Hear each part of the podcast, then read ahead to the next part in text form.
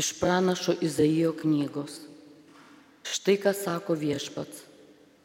Malonės metu aš tave išklausysiu, išganimo dieną aš tau padėsiu. Tave aš išsaugosiu ir padarysiu sandorą tautai, kad šaliai padėtum atsistoti ant kojų ir padalytum nuniokotą tėvonyje, kad tartum belaisvėms išeikite ir esantiems tamsoje ženkite į šviesą. Visur prie kelių jie ganysis, suras plikose kalvose savo ganyklų. Nereiks jiems alkti ir trokšti, nevargins jų sausvijas, saulė nekepins. Matys vadovaus maloningai ir vėl juos prie vandens ir ves juos prie vandens šaltinių. Visur padarysiu pereinamus kalnus.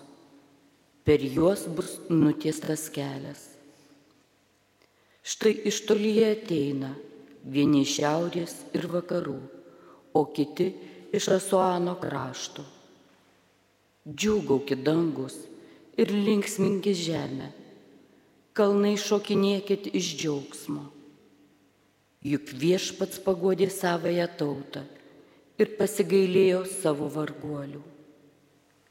Sionas sako, apleido mane viešpats, užmiršo mane Dievas. Ar galigi moteris užmiršti savo vaiką, ar galigi motina apleisti pačios pagimdytą į sūnų? Tegul netgi ji savo vaiką užmirštų, bet aš tavęs neužmiršiu. Tai Dievo žodis.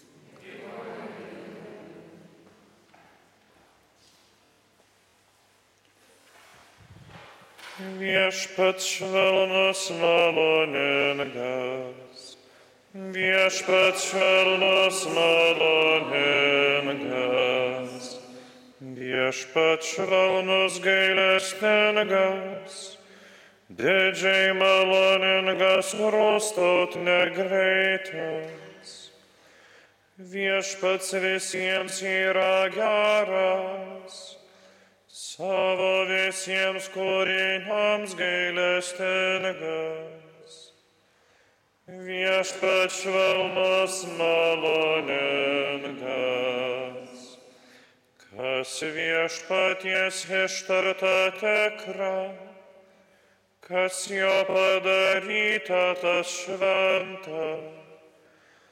Klumpantį viešpats prilaiko Parpuolusiam padeda vėl atsistoti. Viešpat švelnus maloningas,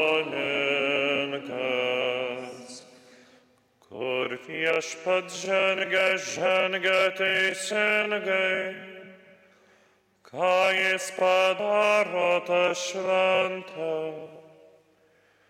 Dievas arti kiekvienam, kas jo šaukias, kiekvienam, kas iš tyros širdies šaukias.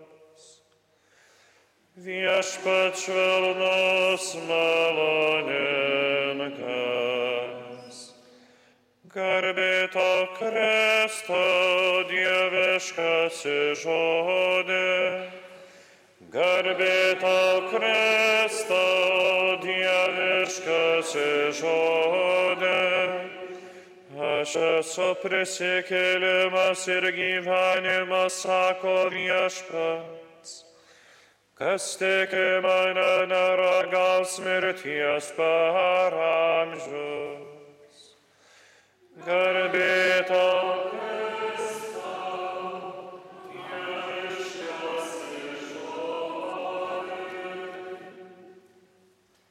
Viešpats su jumis. Iš Šventojios Evangelijos pagal Joną. Garbė tau viešpats. Jėzus žydams sakydavo, mano tėvas darbuojasi likščioliai, todėl ir aš darbuojuosi. Užtat žydai dar labiau ieškojo progos jį nužudyti, nes jis ne tik nepaisydavo šabo, bet ir vadindavo Dievą savo tėvu, tuo būdu lygindama save su Dievu. Į šį kaltinimą Jėzus jiems atsakė. Iš tiesų, iš tiesų, sakau jums, sūnus nieko negali daryti iš savęs, o vien tai, ką mato darant tėvą, ir ką bedarytų tėvas, lygiai daro ir sūnus. Nes tėvas myli sūnų ir parodo jam visą, ką pats daro. Ir jam parodys dalykų dar didesnių už šituos, kad jūs stebėsitės. Kaip tėvas prikelia mirusius ir juos atgaivina, taip ir sūnus gražina gyvybę, kam tik panorėjęs. Ir nieko tėvas neteisė, bet visą teismą pavedė sūnui, kad visi gerbtų sūnų, kaip gerbė tėvą. Kas negerbė sūnaus, tas negerbė jį siuntusio tėvo.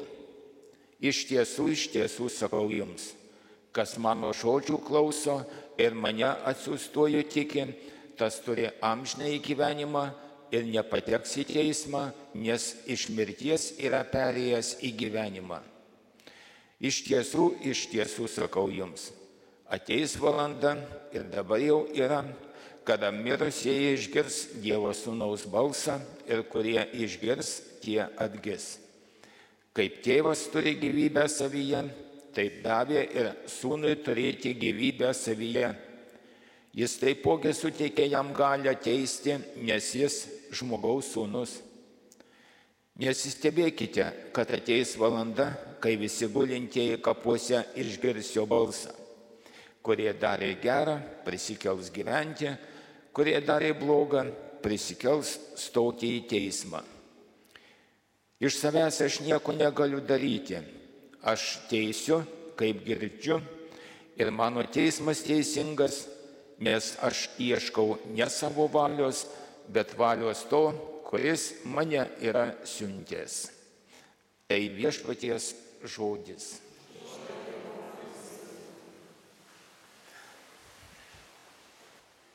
Pastarosios savaitės šventųjų mišių geroji naujiena, kurią evangelistas Jonas mums atskleidžia, tai pasakojimai apie nuostabius Dievo darbus, kuriuos jis daro per savo sūnų. Sekmadienį buvo Evangelija apie neregio pagydymą. Žmogus, kuris gimė neregys, buvo Jėzaus pagydytas, atvertas jam ne tik žemiškojų akių gyvenimas, rega, bet ir dieviškasis Dievo vaiko gyvenimas. Jis galėjo pamatyti ir atpažinti tą kuris jam sugražino regėjimą ir atvėrė pilnavertį ne tik žemiškai žmogaus gyvenimą, bet ir Dievo vaikų gyvenimą. Vakar buvo paskelbta Evangelija apie Luošio 38 metus sergančio ir negalinčio pajudėti pagydymą prie Betsatos stebuklingo vandens telkinio, kur Jėzus tiesiog nieko nereikalaudamas iš šio negalės turinčio žmogaus jį pagydo, kelkis, imk savo gultą ir vaikščiok. Ir tas žmogus pradžio net nežinojo, kas jis, kas jį pagydė, kas jam liepė imk ir eik vaikščiok. Jis atpažino tik daug vėliau, jog tai Jėzus, tai ne vien tik tai asmuo ar kažkoks stebukladarys, tai Dievas tapęs žmogumi, apsigyvenęs tarp mūsų, kaip evangelistas Jonas rašo, kad darbuotųsi ir vykdytų, darytų Dievo darbus ką girdėjome šios dienos Evangelijoje. Mano tėvas darbuojasi likščioliai, todėl ir aš darbuojuosi. Aukštos, aukštos teologinės frazės ir turbūt mažai kam buvo įkertama mintis, suvokiama mintis, kągi Jėzus turėjo galvoje tai sakydamas. Ir neveltui evangelistas mums primena, kad žydai ieškojo progos jį nužudyti, nes Jėzus tai darydavo šeštadienį. Kitaip tariant, nepaisydavo šabo. Jis buvo daug svarbesnis Šabas buvo šventa diena, kai niekam nevalia nieko daryti. Ir Jėzus nepaisė to, nes jo užduotis yra nepataikauti žmonėms, ne prisidėti prie fariziejų nustatytos tvarkos šabų laikymosi, bet kaip Jėzus atskleidžia šios dienos Evangelijoje visą savo misiją. Tėvo ir sūnaus santyki, tėvo darbus, kuriuos jis yra įgaliotas vykdyti kartu su tėvu. Kas negerbė sūnaus, tas negerbė jį siuntusio tėvo.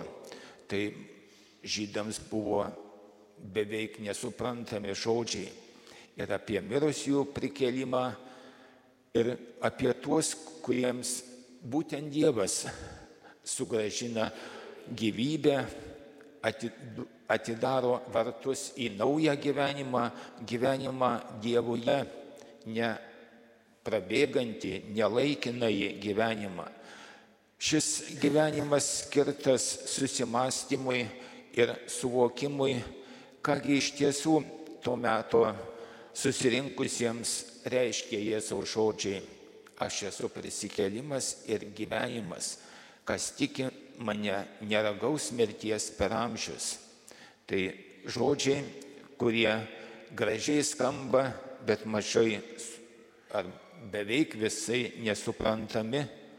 Ir jiems tai kėlė nuostabą ir kartu baimę ypatingai apie teismą, apie kurį Jėzus susiminė, tai žmogaus paskirtį grėžtis nuo blogio ir daryti gerą, žengti, kaip psalmininkas girdėjome, skelbė, žengti teisingų kelių, kuris veda į šventumą, į Dievo vaikų gyvenimą, įsiklausyti į psalmininko žodžius išgirsti, kaip šventasis raštas mums primena, kągi mums viešpats Dievas byloja.